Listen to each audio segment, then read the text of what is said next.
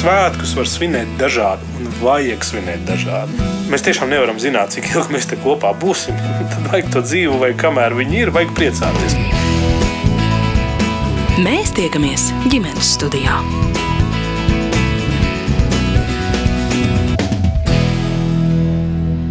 Labdien, un esat sveicināti šajā pēdējā gada dienā, teju teju jau vecgada vakarā. Šis kā jau svētku reizē būs, tāds raidījuma speciāla izlaidums, kurā mēs atskatīsimies uz šajā 2021.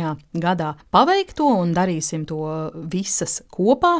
Proti, ja es Alleža ikdienā raidījuma sākumā sasveicinos, sakot, ka labdien no ģimenes studijas jums saka visa šī raidījuma radošā komanda, tad šoreiz tiešām visa radošā komanda ir vienu vietu. Šeit pie eh, studijas mikrofoniem es Agnese Linka un manas kolēģis, vēl viena šī raidījuma vadītāja Mairita Znotiņa un raidījuma producente Ilze Zvaigzne, kuru reti, ļoti, ļoti reti Nereti mums, diemžēl, izdodas piesēdināt pie ģimenes studijas mikrofona, bet šoreiz viņi ir šeit. Labdien visiem!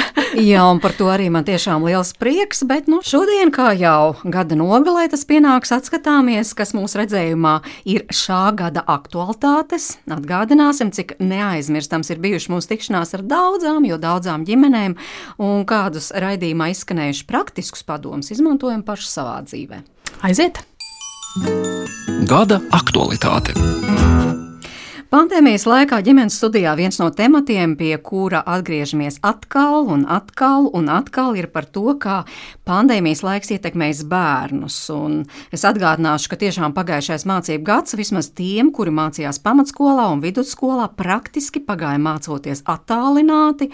Un kā speciālists saka, un kā pētījumi rāda, tas nozīmē apgūstot tikai pusi no mācību vielas.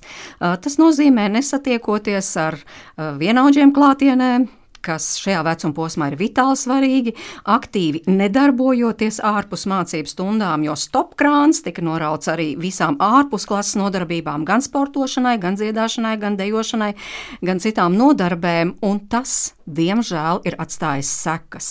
Un kaut arī tagad varētu teikt, fuh, viss ir labi, skola beigusies, un mācības notiek klātienē, tomēr pusauģis psihoterapeits Nils Saks Konstantīnos kādā raidījumā mums atgādināja, ka sekas būs redzamas ilgtermiņā arī pēc daudziem, daudziem gadiem, es tiešām gribu vēlreiz lūgt atskaņot, ko mums teica Nils Saks Konstantīnos. Tās traumas mēs patiesībā redzēsim tikai vēlāk. Kā ar visu bērniem un pusauģiem, tās svarīgākās lietas viņu dzīvēs mēs redzam pēc tam, kad viņi pabeidz 12. klasi un viņi aiziet tālāk dzīvē, kā veidojās viņu dzīves.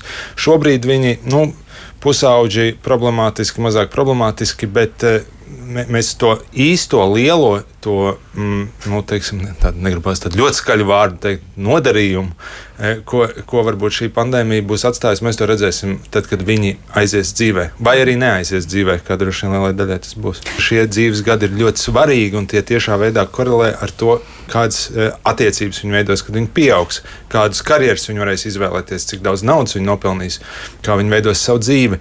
Un es domāju, ka šī lieta gan attiecās praktiski uz vairumu pusauģi un jaunieši. Nu, pusauģi bija tie, uz kuriem mēs vienkārši redzējām tās problēmas visasāk. Tāpēc, ka pusauģiem vispār visas šīs problēmas parādās visredzamāk. Viņi krīt depresijā, viņi um, veic pašnāvības mēģinājumus, viņi lieto vielas. Mēs redzam šīs problēmas. Maziem bērniem tas nav tik labi redzams. To mēs redzēsim pēc laika, kad viņi kļūs par pusauģiem. Jo, ja bērns piedzīvo palielinātus stresus, tad viņam kļūstot par pusaudzi, visas šīs pusauģa problēmas nu, ar daudzkārt lielāku iespējamību parādīsies. Mēs tiešām vairāk esam runājuši par pusauģiem, bet šis man lika aizdomāties, ka faktiski jau tas ietekmējis, šis laiks īpašais ietekmējis visus bērnus. Un atklāti sakot, man kā mammai ir skumji, ka savā ziņā tiešām bērnu saviem pleciem ir iznesuši to lielo smagumu, un kā mēs dzirdam, tas atsauksies uz viņu dzīvēm. Nu jā, varam tikai cerēt, ka nākamajā gadā mēs pieaugušie mācīsimies no droši vien mūsu kļūdām. Bet, Ilz, kas ir tas, ko tu nominēji kā gada aktualitāti šajā kategorijā? Nu, nenoliedzami, ka tas uh, temats, ko es esmu izvēlējusies šai kategorijai, uh, iet roku rokā ar iepriekš minēto, un tā ir vakcinācija. Par vakcināciju mēs ģimenes studijā esam vienmēr runājuši daudz, taču pandēmija šos vakcinācijas jautājumus ir pacēlusi līdz šim nepieredzētās diskusiju krustugunīs. Un šajā gadā mēs esam stāstījuši ne tikai par covid vakcīnām bērniem un pusauģiem un grūtniecēm, tad, kad tās parādījās un, un kļuva pieejamas ikvienam, uzklausot arī ļoti skarbus pieredzes stāstus, bet stāstījuši arī to, cik liela nozīme ir arī citām mūsdienās jaunās pieejamām vakcīnām grūtniecēm, piemēram, pret garo klepu, kas ļauj uh, pasargāt uh, jaundzimušo no šīs saslimšanas, kā arī par to, ka, uh, piemēram, cilvēku papilomas vīrusu vakcīnai būtu jābūt brīvi pieejamai Latvijā bez maksas ne tikai meitenēm, bet arī puišiem. Un, kā jau vairākās ģimenes studijas sarunās, tieši šī gada nogalē ir izskanējis, nu, ka krīze būtībā izgaismo Un tā ļoti precīzi parāda tās problēmas, kuras iepriekš mēs varbūt vienkārši neesam gribējuši vai varējuši saskatīt. Tad, eh, meklējot eh, pozitīvo visā šajā stāstā, es gribētu teikt, ka šis laiks mums ļoti spilgti ir parādījis, ka steidzami ir jāatgriežas pie veselības mācības, iekļaušanas skolu saturā un arī pie kritiskās domāšanas prasmu stiprināšanas, sākot jau ar pirmsskolas vecumu. Veselības mācības atgriešanās skolā, man liekas, ir kaut kas, par ko mēs gadu no gada varam tērzēt ģimenes eh, studijā. Savukārt man šķita, ka aizsardzības mācība. Tieši šī 2021. gada nu, aktualitāšu kontekstā ir temats, ko mēs varam pieminēt drusku ārpus pandēmijas ietvara. Jā, un par gada aktualitāti es šo gribēju nominēt, tāpēc, ka man pašai personīgi likās ļoti atšķirīga tā saruna, tas konteksts un tā sajūta, kādās noskaņās mēs, piemēram, gada sākumā, manuprāt, janvāra beigās aizvadījām. Uh, sarunu raidījumā, kad pēc klausītāju lūguma mēs analizējām, kāpēc Latvijas uh, visās skolās ar 2024. gadu plānot šāds priekšmets aizsardzības mācība. Un tad rudenī, kad valsts svētku noskaņās mēs vēlreiz runājām par to, kāpēc eh, jauniešiem izvēlēties militāro izglītības eh, virzienu. Toreiz mēs arī stāstījām par jauno pulkveža Oskara Kalpaka profesionālo eh, vidusskolas izveidi un sarunājāmies arī ar jauniešiem, kas tajā šogad pirmo gadu uzsākuši mācības. Tad nes kāpēc bija pavisam cita sajūta šķetināt šo tēmatu, runāt par to, kāpēc mums ir vajadzīga aizsardzības eh, sistēma, aizsardzības mācība. Jo, protams, šī gada laikā notikumi tepat mūsu kaimiņu valstīs, Baltkrievijā, Ukrainā, ir mainījuši arī to, kā mēs skatāmies uz iespēju vai vajadzību jauniem cilvēkiem aizdomāties par savas valsts sargāšanu. Un šajā raidījumā, kā viena no dalībniecēm, bija kāda Oskara Kalpaka profesionālās vidusskolas skolniece Jūlija kura pauda savu viedokli. Pēc raidījuma, arī raidījuma laikā, mēs saņēmām vairākus klausītāju rakstītas ziņas. Kaut šādu jauniešu mums būtu vairāk, tāpēc paklausīsimies Jūlijas teiktajā, kas viņas skatījumā ir patriotisms.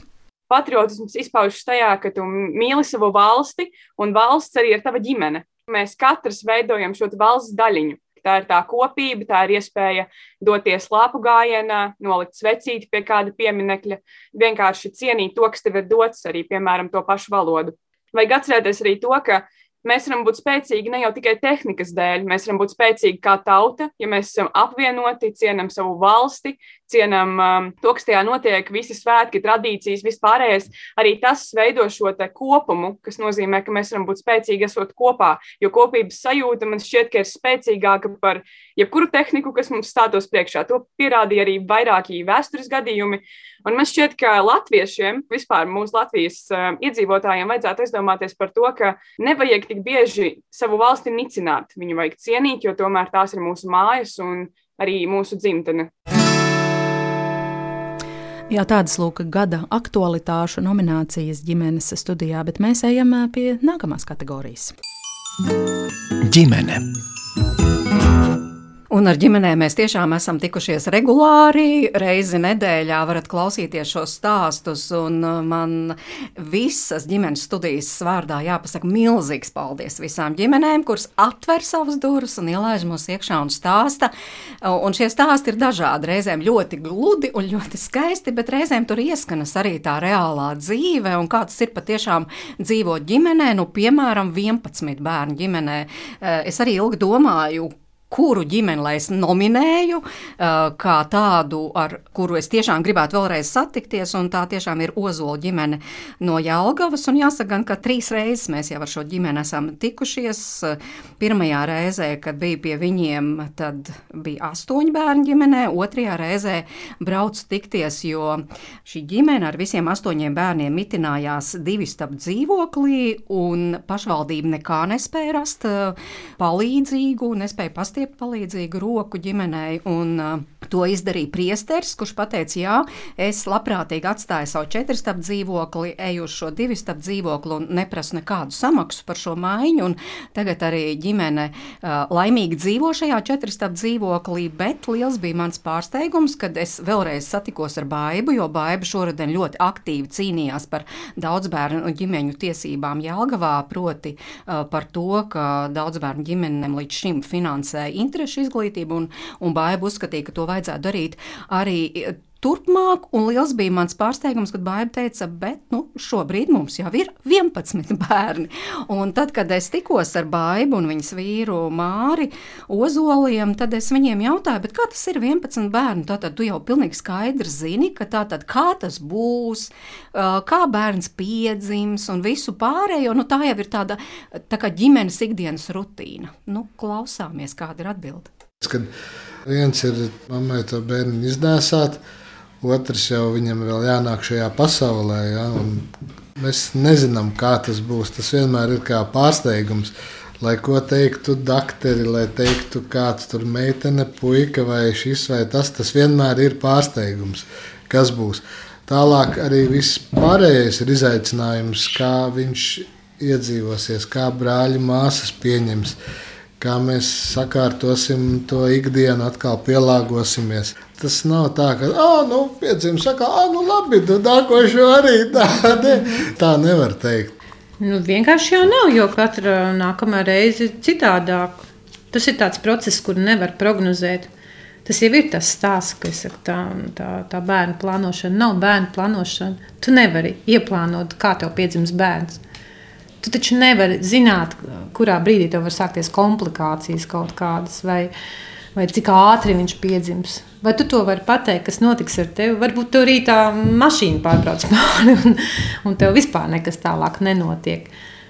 Mēs to nekad nevaram zināt. Tāpēc es arī Bet... es nenodarbojos ar tādu lietu kā plānošana. Man liekas, ka es vairāk nodarbojos ar to, kas paļaujos, ka Dievs visas lietas sakārto tā, kā viņam ir jābūt. Un, ja viņš reiz ir atnācis tas cilvēks, bērns, tad viņš vienkārši ir jāpieņem kā dāvana. Kas zina, varbūt viņš vienu dienu būs nezinu, valsts prezidents vai aktieris.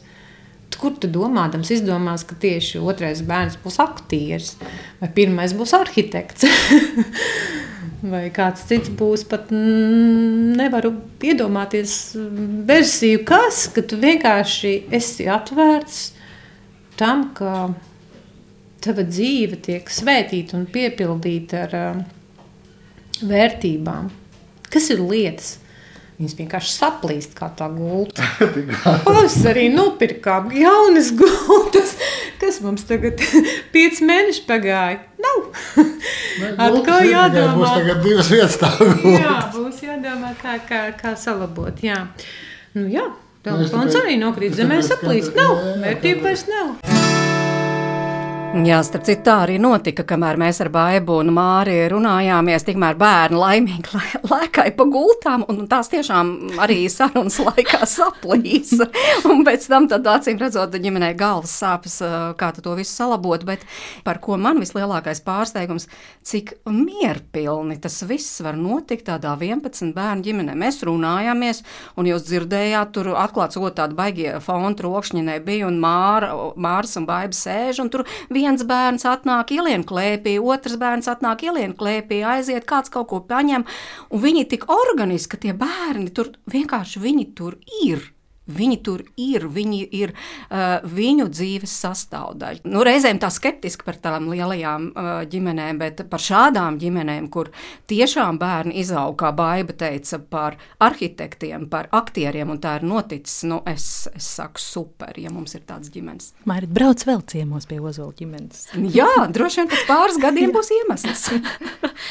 Ilze? Būtībā man sanāk drusku paturpināt to, ko jau teica Baiba Ozola, un es atskatoties uz tām teju 50 ģimenēm, ko mēs gada laikā esam satikuši ģimenes studijā, protams, arī ļoti sarežģīti man bija izvēlēties kādu vienu, par kuru gribētos vēlreiz runāt, jo tiešām ārkārtīgi liels paldies katrai, kas atver savu sirdi un durvis tādai garākai sarunai ar, ar mums.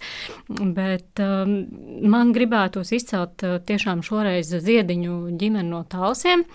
Kad klausāmies tādus īpašo ģimeņu stāstus, kur vecāki, māsas un brāļi rūpējas par kādu īpašo bērnu, man vienmēr rodas tāda sajūta, ka manā dzīvē viss ir kārtībā, un man taču vispār nav nekas par ko čīkstēt, vai, vai satraukties, vai likties, ka man ir grūti. Un, tāpēc, pārklausoties sarunu ar Ziedu, viņa ģimeni, kurā aug trīs dēli, un viens no mazajiem dviņu brāļiem ir bērns ar īpašām vajadzībām, sirdī īpaši aizķers sarunas brīži, kad Sanita saka, ka sešos gados viņiem ir sajūta, ka ir piedzīvoti 36 gadi, gan ar priekiem, gan ar ārkārtīgi lieliem pārbaudījumiem, un arī tas ar kādu pārliecību viņa saka, ka mammas patiešām var visu, ja vien tas ir nepieciešams bērnam.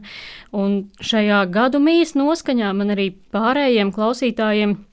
Īpaši gribas izcelt sarunas fragment, kas no sanitas stāstītā liek paraudzīties un pavērtēt savas iespējas, katram apdomāt, vai es domāju un vai es eju uz saviem mērķiem, vai es tikai aizbildinos ar kaut kādiem paši iedomātiem šķēršļiem.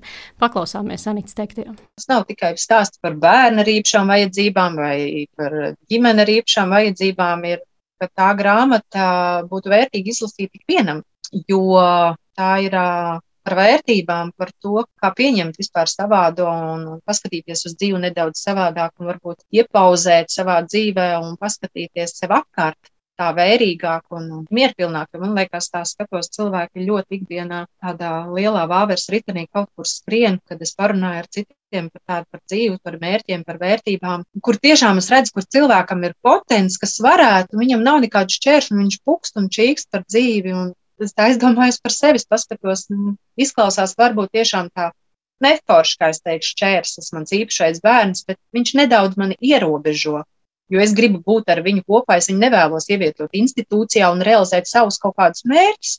Es gribu būt, lai viņš ir ģimenē, kopā ar brāļiem, ar tēti un māmu, jo viņam viņi ir. Jā, es skatos to Arthuru un es saprotu, ka nu, viņš nedaudz mani kaut kādas lietas bremzē, bet te pašā laikā es caur tām grūtībām eju un cīnos. Un viņš man patiesībā nav nekāds šķērslis, cilvēkam, kur viss ir dots un varētu iet darīt un, un kaut kā savu dzīvi cenšas, nezinu, iegrožot, ierobežot un saka, ka nav tās iespējas. Tad jā, mazliet izvērtēt savas vērtības un prioritātes par mērķiem un kas ir mums ģimene. Tas tā plašāk, kad, eh, bet arī īpašo bērnu ģimenēm vērtīgi būtu, kā tā liekas, palasīt citu stāstu un, un iedziļināties un paskatīties uz savu dzīvi, vai varbūt pat nonākt pieņemšanai. Jā. Sanita stāsta par savu grāmatu Pieneņa pūka, kas iznāca šī gada pavasarī. Noteikti, es domāju, ka arī pārējās kolēģis noteikti ieteiktu ikvienam ieskatīties un pārdomāt, vai mēs visi darām tiešām labāko no tā, ko mēs varam. Jā, grāmata veltīta viņas puisītim, starp citu, ļoti, ļoti aizkustinošs literārs darbs ar stāstiem un dzējoļiem. Nu jā, arī man, protams, bija daudzas brīnišķīgas tikšanās tieši mūsu piekdienas ģimeņu portretos, eh, nu, kaut vai jaunais mažu pāris, kas 2021. gada sākumā gaida savus pirmos bērniņus dvīnītes, protams, nu jau ir sagaidījuši.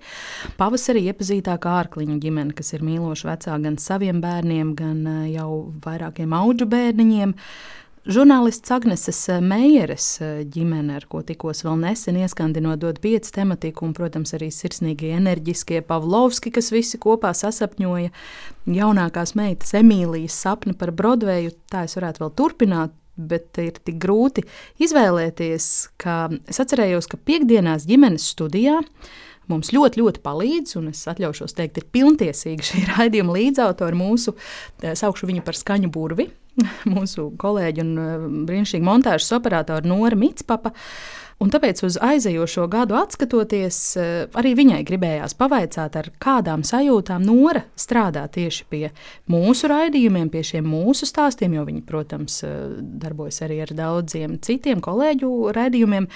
Kurš tad no aizvadītā gadā dzirdētajiem ģimeņu portretiem viņai ir palicis visvairāk prātā, pastāstīs viņa pati. Bet vispirms es Norai vaicāju, vai viņa tikai samontē mūsu raidījuma skaņu, vai arī iedziļinās tā saturā. Es pilnīgi visu noklausos. Pirmkārt, tas ir interesanti, un arī dēļ mana darba specifikas tas ir vienkārši jādara, ir jānoklausās. Un, ja es tev jautātu, kas ir eh, tie raidījumi vai raidījums, kas eh, šī gada ietvaros tev ir nu, aizķēries atmiņā, palicis prātā, ar kaut ko tev licies foršs vai īpašs? Ir vairāk tādi raidījumi, bet, ja par vienu mm, jārunā, tad tas ir par lāču ģimeni, par lāču dzimtu. Es pie mm, daudziem ģimenes studijas raidījumiem esmu tā domās, vēl atgriezusies un atgriezusies, un ir bijuši daudz raidījumu, pie kuriem es esmu e, klausoties, raudājusi un smējusies, un e, visādi ir bijis. Bet tas e, raidījums man atmiņā ir palicis ar to, ka mēdz teikt, ka var lasīt starp rindiņām, un šajā raidījumā viss tas, ko šīs dzimtas e, cilvēki runāja, tur bija vairāk slāņi, daudzslāņaini. Bija visa tā saruna. Ne, neviens tā konkrēti tieši neteica skaļos vārdos, kāda ir cieņa, kāda ir mīlestība un kādas ir tās viņu savstarpējās attiecības, bet to varēja nolasīt bez viņu vārdiem. No tās attieksmes, no jokiem, no dažādas savstarpējas tādas vārdu saspēles. Man tas raisīja ļoti daudz pārdomas. Interesanti, ka tu tā saki, tāpēc, ka dažkārt es esmu saņēmusi arī pārmetumus, kā šo raidījumu autore, ka mēs zīmējam pārāk skaistu, pārāk perfektu, mīlošās, saskanīgās ģimenes dzimtas ainu šajās piekdienās. Tev ir tāda sajūta kādreiz radusies? Varbūt tas nebūtu tā precīzi. Jā, vairāk raidījumi izskatās varbūt e, skaistāki nekā mums pašiem šķiet mūsu personiskā dzīve. Un, un šķiet, ka nu, reālajā dzīvē jau tā nenotiek, kā tagad tur skan tajā raidījumā. Bet e, tā nu tas ir, ka šie raidījuma varoņi jau sevi parāda. Un, ja viņi spēj parādīt to labāko, skaistāko un gaišāko no savas dzīves, tad kāpēc gan mēs to ar prieku neuzklausītu un lai, lai mēs to neņemtu vērā? Jo ir arī jāmāk sevi parādīt, jo, piemēram, no nu arī sociālajos tīklos reti kad jau mēs liekam bildes, kur mēs esam noraudājušies. Nu, mēs tomēr skaisti smaidām. Un esam uzkrāsojušās dāmas, un, un, un vīri ir uh, spēcīgi muguras izslējuši, un vēl visādi. Protams, jūsu raidījumos ir arī mm, temati tādi, kur cilvēki parāda tās savas asaras un tās savas skumjas un bēdas. Tādi mēs esam. Tu izjūti arī kādreiz eh, sevi nevis kā profesionālu montāžas operatoru, bet kā māmu klausoties eh, šos mūsu rādījumus? Ļoti bieži. Un arī es kādreiz esmu pieķērusi sevi pie domas, ka nu, kā viņiem tur tik forši viss ir. Un tad es saprotu, ka jā, nu, reizēm jau man arī ir tik forši.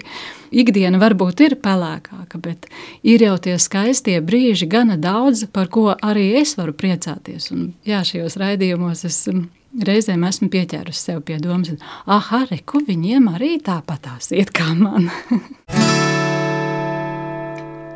Jā, nu tālāk mūsu skaņu feja Nora Mitspapā, un uh, viņa pieminēja raidījumu, kurā 21. maijā mēs tikāmies ar Limbaģu valsts ģimnāzijas direktori Guntu Lāci, biežu kā matemātikas skolotāji, kā skolas direktori viesi mūsu raidījumā, bet šajā reizē tas bija Lāču ģimenes portrets, jo arī Guntas vecāki ir pedagogi, Vars Lācis, fiziķis un profesors, bijis Latvijas universitātes rektors, bet mamma Dāca Lācis arī matemātiķi un pedagoģi, kas ilgus gadus kā direktori vadījis Rīgas 64. vidusskolu. Mēs ievelkam mirkli elpu, klausāmies mūziku, kā jau svētku reizē, un tad uh, turpinām ģimenes studijas šī gada apskatu. Mēs tiekamies ģimenes studijā. Un šodien gandrīz jau vecgada vakarā jāatgādina, ka jūs klausāties ģimenes studijas šī gada apskatu. Mēs esam atlasījuši mūsuprāt spilgtākos pieturas punktus no šai gadā sarunās dzirdētā, sajustā un izlobītā Agnes Linka, Mērķis Notiņa un Ilza Zvaigznē šeit eh, studijā. Padoms! Noteikti ģimenes studijā gandrīz ikvienā raidījumā izskan kāds padoms, un uh, ļoti grūti ir tā tagad salikt visus pa plauktiņiem, nu tad kurš ir svarīgs vai kurš ir mazāk svarīgs, bet uh, Es domāju, izvērtējot vismaz sevi, manā, man ir svarīgi, vai tas man liek domāt, vai tas man liek aizdomāties, vai tas liek kaut kā uh, sasaistīt to ar savu dzīvi. Un, atklāti sakot, septembrī sākumā, kad mēs runājām uh, par jauniešiem, kuri dodas uz ārvalstīm, vai nu studēt, vai nu mācīties, man likās par šo tematu, man viss ir skaidrs. Man, uh, mani vecākie puikas arī ir Erasmus šīs programmas ietvaros, ir studiju laikā bijuši ārvalstīs, un tā patiešām ir bijusi ļoti, ļoti, ļoti vērtīga pieredze, bet raidījumā es uzklausīju arī Bruno. Viņš mācās vēl vidusskolā, desmitajā klasē, un ir izvēlējies šo desmito klasi pavadīt nevis šeit, Latvijā, skolas solā, bet Itālijā. Un atklāti sakot, tieši šī viņa pieredze man lika aizdomāties. Viņš aizbrauca uz Itāliju, nezinot ne vārda itāliski, bet tur jau nu, mēnešu laikā Viņš saka, es jau apmēram pusi vai nu saprotu, vai nojaušu, ko tur runā. Un katrā ziņā viņš ir sparīgs iemācīties valodu, un kā stāstīja arī viņa mamma, ka tā ir iespēja ne tikai valodu apgūt, bet arī labāk saprast to kultūru. Jo nu, Bruno dzīvo tā īstā itāļu ģimenē, es ceru, tiešām īstā itāļu ģimenē, un, un viņš pa īstam arī var izjust uh, to visu noskaņojumu un ikdienu, kāda tur ir. Nu, tad es aizdomājos par savu jaunāko. Varbūt tā ir laba ideja. Nu, lāk, lūk, šādi padomi arī ietekmē arī manu dzīvi. Mm. Ilz, tev arī ir kaut kas aizķēries īpaši pašai derīgs vai noderīgs, par ko apdomāties. Protams, praktiskā padomu sadaļa vecākiem man šķiet arī ir tāda brīnišķīga lieta, mēs daudz, protams, runājam par dažādiem izaicinājumiem, bet tie raidījumi, kur katrs vecāks var saklausīt tiešām tādus reālus piemērus iz dzīves, ko un kā var darīt un ko darīt pie šāda vai citāda izaicinājuma, tas ir, manuprāt, ļoti vērtīgi, un man šķiet, ka jo mazāks bērns, jo vairāk vecāks saskars ar tiem brīžiem, kad tu nesaproti, kas ar to bērnu notiek, kāpēc viņš šobrīd jūtas tā vai uzvedas šitā, un, un kāpēc ir kaut kādas grūtības uh, veidojušās, un kā tad gal galā mazajam ķiparam palīdzēt. Un, um, tāpēc 10. marta saruna par īpaši jutīgajiem bērniem um, ar kognitīvu behaviorālo terapeitu Ines Lapsiņu un uzvedību LV veidotāju Līgu Bērziņu ir ļoti tāds praktisks ceļvedis, ko es iesaku noklausīties katram vecākam un izdarīt to nevis vienreiz, bet noklausīties ik pa brīdim, jo tās grūtības, par ko mēs šajā raidījumā stāstām kopā ar ekspertiem, tiešām var parādīties ik pa laikam, mainoties vecuma posmam, un kas interesanti. Tās var parādīties arī pieaugušiem cilvēkiem. Tā kā šis nav stāsts tikai par, par bērniem un viņu izaicinājumiem, Nu jā, un šajā sarunā eksperts izstāsta daudzas ikdienas situācijas, kas var būt saistītas ar sensoro jutīgumu un pārslodzi, proti pārāk zemiem vai pārāk augstiem sajūtu sliekšņiem, ne tikai par drēbēm, kas kož, bet arī par skaņu, kas ir par skaļu, par gaismu, par kustīgumu, par temperatūru un citiem faktoriem, kas var būt ļoti izaicinoši.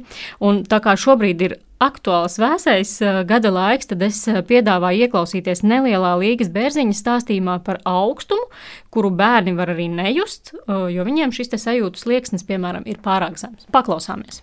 šī ir sensorā pasaule ir ļoti sarežģīta. Un vēl ir tāda viena, arī ja runājam par šo no, pazemināto sensoro jutīgumu, tagad es vēlētos aizstāvēt visus pasaules bērnus, kuri iet ārā bez cepurēm un šallēm un Un, jā, ir tādi bērni, kuri tiešām ir gatavi arī mīnus 30 grādos aiziet uh, uh, pludmales čībās uz uh, bērnu dārzu vai uz skolu. Un patiešām viņi var nejust augstumu. Un, uh, šodien mēs arī saņēmām vēstuli no vieniem vecākiem, kas arī prasīja, ko lai dara, ka, ka bērns, kā, bērnam jau ir ļoti daudz gadu, viņš jau ir nu, gandrīz pieaugušais. Un viņam tik un tā ir visu laiku jāatgādina, tur vēl cepuri, vēl cimdus, un, un viņam pat arī var rasties uh, apsaldējumi, bet viņš uh, to nejūt. Ir tādi padomi, kas palīdz mums saprast bērna niķus, bet ir arī tādi, kas palīdz saprast pašam savējos. Tā, piemēram, mans gada priekš šai kategorijā ir teiksim, tā, piespiedu kārtā brīvprātīgi. Gatavojoties raidījumam, protams, izlasītā gata līduma grāmata par pāru attiecībām un tā sekojošais raidījums. Nu, tās ir viņa kā psihoterapeita piezīmes, baušļi, starp citu, izmantot kā struktūru šai partnerattiecību analīzē. Un raidījumā autors Gats Līdums pats jokoja, nu, ka šis ir tāds veltījums pandēmijai, taču nopietni runājot, viņš atzina, ka viņam nav vienalga, kas notiek ar mums, ar cilvēkiem, ar pāriem, ar sievām un vīriem, jo viņš ir palīdzošās profesijas pārstāvis, un vēl viens palīdzošās profesijas pārstāvis piedalījās raidījumā, tas bija mācītājs Kaspars Simonovičs, Man tā saruna toreiz 26. maijā šķita ļoti blīva, labiem skaidrojumiem un arī dzen padomiem pilna, un viena analoģija kungiem izdevās e, īpaši spēcīga. Iedomājieties atslēgu, kurai ir vairāki robiņi. Ar noteikta veida atslēgu, kurai ir noteikti robiņi, jūs varat atslēgt tikai noteikta veida slēdzeni. Nu, tad iedomāsimies, tas ir vīrietis un sieviete. Ir divi cilvēki, kuru robiņi atslēgai un slēdzenei kaut kā dīvainā kārtā veiksmīgi sakrīt. Un tajā brīdī rodas tāda ilūzija, ka nu, kur vēl lielāku laimi kā šie sakrītošie robiņi, jo rekā labi slēdzās. Bet kas veido šos robiņus cilvēka dzīvē? Šie robiņi veidojas no sāpēm, no traumām, no dažādām pieredzēm, no kultūras, no vecākiem. Un man bija ļoti simpātiska tā vieta gata grāmatā, kur viņš runā par sāpēm, par šo ļoti izteikto va vajadzību cilvēkā remdēt sāpes. Tad lūk, sastopas divi tā vai citādi traumēti, sāpināti, profilēti. Pirmajā brīdī viņos ir tāda ilūzija, ka nu, ir pat sasniegta pilnība, bet tā vajadzība, tās sāpes remdēt joprojām ir. Un viņi nezinādami, kāpēc viņi jūtas tā, kā viņi jūtas, kāpēc ar viņiem notiek tas, kas notiek, viņi instinktīvi meklē šo sāpju remdināšanu. Un, diemžēl neatrod, jo viņiem nav prasmju, viņiem nav instrumentu, viņiem nav veidu. Un tā tie cilvēki sākotnēji bija iemīlējušies un sākotnēji bija pārlaimīgi, viņi kļūst aizvien neapmierinātāki, dusmīgāki, dusmīgāki viens uz otru, jo tās sāpes nekur nepazūd. Un viņi sāk vainot beig beigās viens otru, un tur viss aiziet vienkārši pa pieskaru. Vispirms tam cilvēkam būtu jāiepazīst pašam sevi, pirms mesties iekšā apusējās attiecībās, pirms veidot ģimeni, būtu jāizdara mājas darbs. Un tas mājas darbs būtu iepazīt sevi, saprast, kāpēc man ir tādi un šitādi robiņi, no kurienes man tās sāpes, kas ir labākais veids, kā tās sāpes eh, remdināt. Un tikai tad uzņemties atbildību vēl par ģimeni un, un bērniem un otru cilvēku. Šī analoģija par atslēgu bija vienkārši fantastiska cito pirms attiecību veidošanas būtu otram jāparāda. Nevis tikai to manu caurumiņu vai to zobiņu, kuri tagad ļoti labi sadara kopā, bet re, kur man iekšā ir vēl šitādas lietas, jo tās es esmu iepazinis. Un redz, no manis var dabūt šo, bet nevar dabūt šo, jo manā mehānismā tāda opcija nav paredzēta. Tāda veida saruna palīdzētu izveidot ārkārtīgi veselīgas un savstarpēji atbalstošas pārattiecības.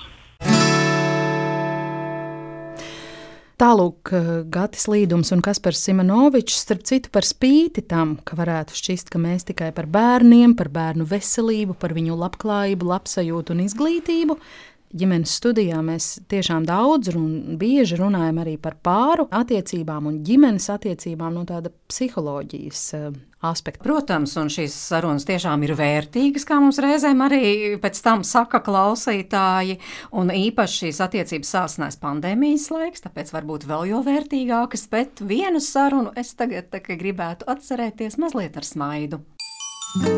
Brīdis ar smaidu. Un kāpēc? Februārī tikāmies ar psihoterapeitiem Ilonu un Gati Bušiem, un jāatceramies, tātad pandēmija, februāris, un, protams, ka visas sarunas notika attālināti. Tas nozīmē, ka studijā esi tikai tu un runā, kā es vienmēr saku, ar telefoniem, kas, protams, mm. ir ļoti apgrūtinoši, jo tu neredzi acis, tu neredzi cilvēka mīmiku, tu viņam saki, nu tad lūdzu jūs, un lūdzu jūs, un tur visādas domstarpības gadās. Un brīnišķīgais pāris tiešām Ilona un Gatis Buši, kuri paši kopā ir ilgi un kuri ilgstoši palīdz pāriem. Viņi arī stāstīja tieši par to pandēmijas laiku un kā šīs visas attiecības ir sāsinājušās un kā varētu tās izgludināt, nu, gudri izgludināt. Saruna bija brīnišķīga, tikai viens, bet nu, neatceros, tiešām nesaskaitīju, cik reizes pārtrūka šī saruna, bet tās bija daudzas reizes un varbūt atgādinājums par divām. Jā, telefona atvienojās. Telefona atvienojās tieši tā. Bet ko saka vispār pētījumi šeit Latvijā, varbūt arī pasaulē, kā pandēmija ietekmē? Tie skaitļi ir līdzīgi, kā tikko dzirdētie. Ilona. Jā, iespējams, ka internets ir mūs atkal pievīlis. Un reizēm jau mēs to mīlestību tā arī uztveram. Jā, tā kā, tas ir kā mēs pasaudzējam to Jā, no turpinājuma tad mums tikai jāiedomājas. Mēs klausāmies dziesmu, mēģināsim vēlreiz sazināties ar Ilonu un Gati Bušiem, lai varētu turpināt šo sarunu ģimenes studijā. Nu, tāda lūk, saruna ar brīnišķīgo psihoterapeitu pāri ģimenes studijā. Protams, izklausās varbūt tagad jautra, bet toreiz nu, iekšējas ir trīcēji. Klau nebija tā sajūta. Internets pievīla, telefons sakari pievīla, un tu kā palle viens pats pasaulē. Nu, apmēram jā, labi, ka vēl ir dziesmas, ar kurām varam izlīdzēties šādās situācijās. Jā. Mans gada viskomiskākais brīdis arī starp citu saistīts ar garām, dziļdomīgām pauzēm, klusuma pauzēm ēterā. Tā bija 1. septembra tieši tiešraidē no Vaivaru pamatskolas, eh, kur mēs kopīgi svinējām zinību dienu. Viss raidījums tehniski un man šķiet arī saturiski noritēja. Nu, tiešām teju nevainojam, pēc tam es saņēmu arī kolēģu komplimentus, bet tie, kas ikdienā intervē un, teiksim, tā zina šo drēbi, pieminēja, cik amizanti izklausījās mani mēģinājumi tādai dabiskai sarunai ar kādu no mazākajām eh, šīs skolas eh, skolniecītēm. Kā jau mēs iepriekš dzirdējām, Vaivaru pamatskolā darbojas arī pirmsskolas grupas, un uh, tad šiem bērnu dārzniekiem ir tā lieliskā iespēja tepat savā vidē pāriet uz pirmo klasi. Un viena tāda veiksminieca man tagad ir līdzās, tā ir Sofija. Sveika! Sofija, kā tu domā, vai skolā būs foršāk mācīties kā bērnu dārzā? Jā. Kāpēc? Kas te varētu būt tāds fēns? Tev ir brālis eh, Mareks, kas pavasarī jau esot pabeidzis šo skolu, vai viņš jau pastāstīja, kā tas ir iet tieši skolām. Viņš tev kādu padomu, kā tas būs. Ko brālis stāstīja par skolu? Es jau neatceros. Varbūt tev ir kāds novēlējums visiem tiem Latvijas bērniem, kas šodien ir aizgājuši uz skolu pašu, pašu pirmo reizi un piedzīvojuši savu pirmo, pirmo septembri. Ko tu varētu novēlēt citiem un sev skolas gaitas uzsākot? Lai mēs visi neslimotu un būtu priecīgi. Paldies! Tālūk, mazā Sofija un mana intervija ar viņu. un Sofijas vēlējums noteikti joprojām ir aktuāls. Man jāsaka, no tādām producentu darba ikdienas skatoties, gandarījums ir katrs raidījums, kas nav pārtraucis un ir izskanējis, un, un, un viesi ir sveiki un veseli un ir varējuši ar mums sarunāties. Nu, tad klausāmies nākamo kategoriju. Gandarījums, ka izdevās. Un tāds lielais gandarījums, ka izdevās no manas puses nenoliedzami, tā ir ģimenes studijas jubilejas konference, kas mums šajā gadā bija pilnīgi tāds absolūti jauns formāts un absolūti jauna pieredze, kad mēs klausītājiem sestdienā, kad parasti skan redzījuma atkārtojums, varējām piedāvāt divu stundu uh, brīnišķīgu saturu ar sešiem fantastiskiem runātājiem izglītības, uh, attiecību un veselības kategorijās. Un, Un tas bija mums līdz šim tiešām tāds nepieredzēts formāts, jo mēs uh, strādājām arī tādā video režīmā, un paldies tiešām mūsu kolēģiem no sociālo tīklu un, un multimediju puses, kas uh, visu to padarīja pieejama tiešām ļoti plašai auditorijai, ne tikai radio skaņu viļņos, bet arī sociālajos tīklos.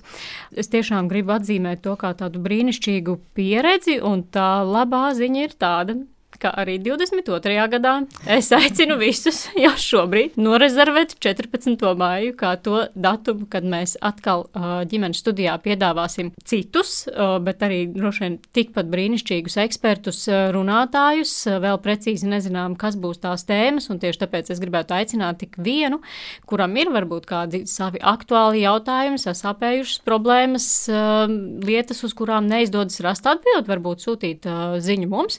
Iespējams, ka mēs tieši jums varam mēģināt palīdzēt, piemeklējot kādu runātāju šajā te.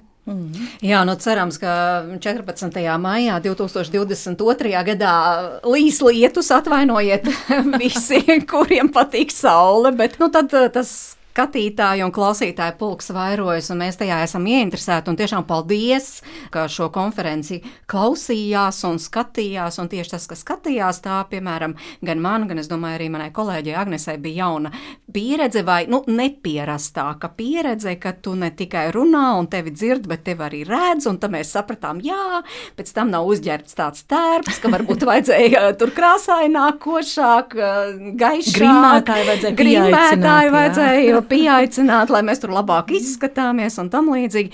Bet es domāju, ka tas ir ieguvums. Mums, kā raidījuma vadītājiem, tas ir ieguvums, ka mēs aizvien mācāmies nepārtraukti, nu kā ne tikai runāt, bet arī kā izskatīties video formātā, kā varbūt uzrakstīt kaut ko mūsu draugiem no uh, portāla LSM. Tā kā jābūt ļoti vispusīgam cilvēkam. Lieliski un mm. interesanti. Mūsdienās radio cilvēka draugs vairs ne tikai mikrofons, bet nu jau arī video kamera. Un tā tiešām jāpiekrīt, bija interesanta pieredze. Un es pievienojos jums, ka tas ir arī mans gada gandarījums, ka šī tradīcija, ko mēs iesākām kā ģimenes studijas, šīs desmit gadu jubilejas svinības, ka tā tagad būs ikgadēja tradīcija. Starp citu, Mārī, tu pieminēji draugus no LSM. Mums ir vēl kāds radošs spēks, jo tāds īsts ģimenes studijas draugs un sabiedrotais ir Latvijas sabiedrisko mēdīju portāls LSMLV, precīzāk bērniem un vecākiem domātā sadaļa un tās redaktore Ināra Antiņa. Viņa ir, kā es izdomāju, viņa ir mūsu atbalsts un stiprais plecs eh, klikšķu pasaulē, digitālajā vidē. Jo Ināra ir tā, kas pārvērš eh, katru mūsu raidījumu, mūsu veidoto audio saturu drukātā formātā. Tad tas ir eh, lasāms un ieraugāms, un dažreiz arī bilžu formātā kaut kas skatāms tieši LSM attiecīgajā sadaļā. Un tā kā klikšķi mūsdienās ir tāda ļoti liela lieta, lai noskaidrotu, kuri tad 2021. gadā ir bijuši teiksim, visklikšķīgākie no rakstiem, kas ir tapuši pēc ģimenes studijas eh, raidījumiem, tad es nolēmu to pavaicāt arī Inārai un paklausīsimies, ko viņa stāsta. Tā mūsu sadarbība, manuprāt, ir ļoti veiksmīga, tāpēc, ka tie cilvēki, kur radio nav laika, piemēram, klausīties, vai varbūt viņiem nepatīk klausīties, vai viņiem ir ierastāka vieta LSM vecāku un bērnu sadaļa, varbūt, tad viņi izmanto to iespēju. Un tad, ja man būtu tos apmeklētākos rakstus jāsadala, kuri ir vis, vislabāk apmeklētie, tie pilnīgi absolūti bez jebkādas konkurences ir tie ģimeniskie raksti, kas ir piekdienu raksti. Viennozīmīgi ciemošanās pie ģimenēm un tie ģimeņu stāsti ir viennozīmīgi vislasītākie raksti no, vis, no visiem. Acīm redzot, tā citu ģimeņu pieredze Tas interesē cilvēkus visvairāk. Nu, un tad nākamā lielā grupa ir jaunumi, likumu jaunumi, notikumu jaunumi. Es piemēram paskatos, ka ļoti, ļoti labi ir lasīts un, un liela interese bija, piemēram, mācību gadu noslēguma eksāmena jautājums. Tur bija vairāki raidījumi un, un tie ir ļoti lasīti, vai, piemēram, nu pat par ģimenes valsts pabalstiem cilvēks tas ir ļoti, ļoti interesējis. Nu, un, protams, Brektas murālis ir aizgājis uz, uz urā, un tur ir milzu, milzu lasījums. Laikam, nu, tāds arī nebijis notikums, kurā ir iesaistīti pedagogi un, un, un skola. Un tā trešā grupa, lielā grupa, tās ir praktiskās lietas kuras ir nepieciešamas katrai ģimenei ģimenes veidošanā, kuras ir nepieciešamas bērnu audzināšanā. Piemēram, ko darīt, ja bērns dusmojas, tas ir bijis top raksts pagājušajā gadā. Vai, piemēram, kā sarunāties ar pusaudzi, ļoti, ļoti lasīts raksts, praktiski ieteikumi, kā attīstīt bērnu sīpo muskulatūru. Un te es domāju, ka tieši tas raksta formāts ir pateicīgs, jo vecāks, kurš uh, to rakstu lasa, tad, uh, nu, tad var tos ieteikumus izvērtēt vai ātri nu, saprast, kuri viņu interesē vai kuri viņu neinteresē. Nu, varbūt kādi interesēs paskatīties, kādi ir bijuši eksāmenu laika, piemēram, pērnā mācību gadu noslēgumā, vai, vai noteikti kādi interesēs paskatīties, kā tur gāja ar Brekts murāli un ko cilvēki teica un kā tas ir viss beidzies pēc kāda laika. Ja? Bet, bet savukārt tie padomu raksti ir uh, derīgi vienmēr, un, un tos mēs saucam par mūžzaļajiem, un pie tiem atgriežas un atgriežas atkal cilvēki. Un tā kā, ja mēs paskatītu pēc gada, tad tas skatījums noteikti būtu krietni vien lielāks nekā toreiz. Tālāk Ināra Antiņa no LSMLV, mūsu draugs, digitālo klikšķu pasaulē. Es domāju, brīnišķīgi, tiešām, ka ir šī iespēja, kā jau es teicu, tā daudzpusīgā iespēja ne tikai nu, jā, paklausies, tevi interesē, ok, te var arī izlasīt. Mm, dažādāki formāti, dažādāki, formāti. dažādāki ceļi, kā mēs ejam pie mūsu klausītājiem. Un es ceru, ka mūsu klausītāju pulks tādējādi arī aug. Jā, un noteikti gribu pieminēt arī mūsu kolēģi Ievu Zariņu, kur pēdējo pusgadu ļoti rūpīgi darbojas pie tā, lai mūsu saturs arī tādā ļoti, ļoti īsā un koncentrētā veidā būtu pieejams mūsu sociālo tīklu kontos, Facebook, Twitterī un Instagram, kas noteikti mums ļauj sasniegt arī to jauno vecāku paudzi, kur droši vien ir biežāk podkāstu klausītāji varbūt nekā, nekā radio eteru klausītāji. Tā kā, jā, es teiktu, ka mēs ar savu saturu ejam plašumā, un man ir prieks, ka mums izdodas sasniegt aizvien jaunus uh, vecākus un ka tas mūsu veidotais saturs var būt viņiem noderīgs. Ievas darbi Facebook un jau sevišķi Instagram man šķiet tiešām izcili. Tāpēc sekojiet ģimenes studijai visos mūsu sociālo tīklu kontos, bet visām labajām lietām reizes pienāk gals, un tā tas ir noticis arī ar šo 2021. gada apskatu. Jāsaka, paldies, ka to klausījāties. Atliek tikai kaut ko vēl mūsu klausītājiem vēlēt? Ilze? Jā, pēc ilgāka laika, kad daudziem šķiet, ir bijusi ieslēgta tāda milzīga pauze, poga, tad es gribētu vēlēt, rast sevī vēlmi un spēku pārvarēt šo ieslēgto pauzi un saņemties tam tīģera lēcienam nākamajā gadā, ejot uz priekšu tajā dzīves jomā, kura jums tiešām šobrīd ir vissvarīgākā. Eh, es savukārt novēlu gan sev, gan, protams, arī visiem mūsu klausītājiem dzīvot ar prieku. Nu, tas nozīmē labā noskaņojumā celties un doties uz darbu, vai arī darīt to no mājām, priecāties, kā auga bērni un cik tas ir brīnišķīgi un ka viņi mums vispār ir. Un vēl arī katru dienu atrast kādu vienu, vienu mazu mirkli, kas apliecina, ka dzīvot tas ir skaisti brīnišķīgi. Es pievienojos jums, un eh, man atliek tikai teikt, ka pie mikrofoniem ģimenes studijā šodien draudzīgi mēs saimniekojām trietā. Es esmu Agnese Linka, ar mani kopā bija Mairita Znotiņa un Ilze Zvaigzne, Reinis Budze. Bija šī raidījuma skaņu pavēlnieks. Klausieties ģimenes studiju podkāstos, sekojiet mums sociālo tīklu ierakstos un uh, uz drīzu sadzirdēšanos, protams, laimīgu, laimīgu jauno gadu.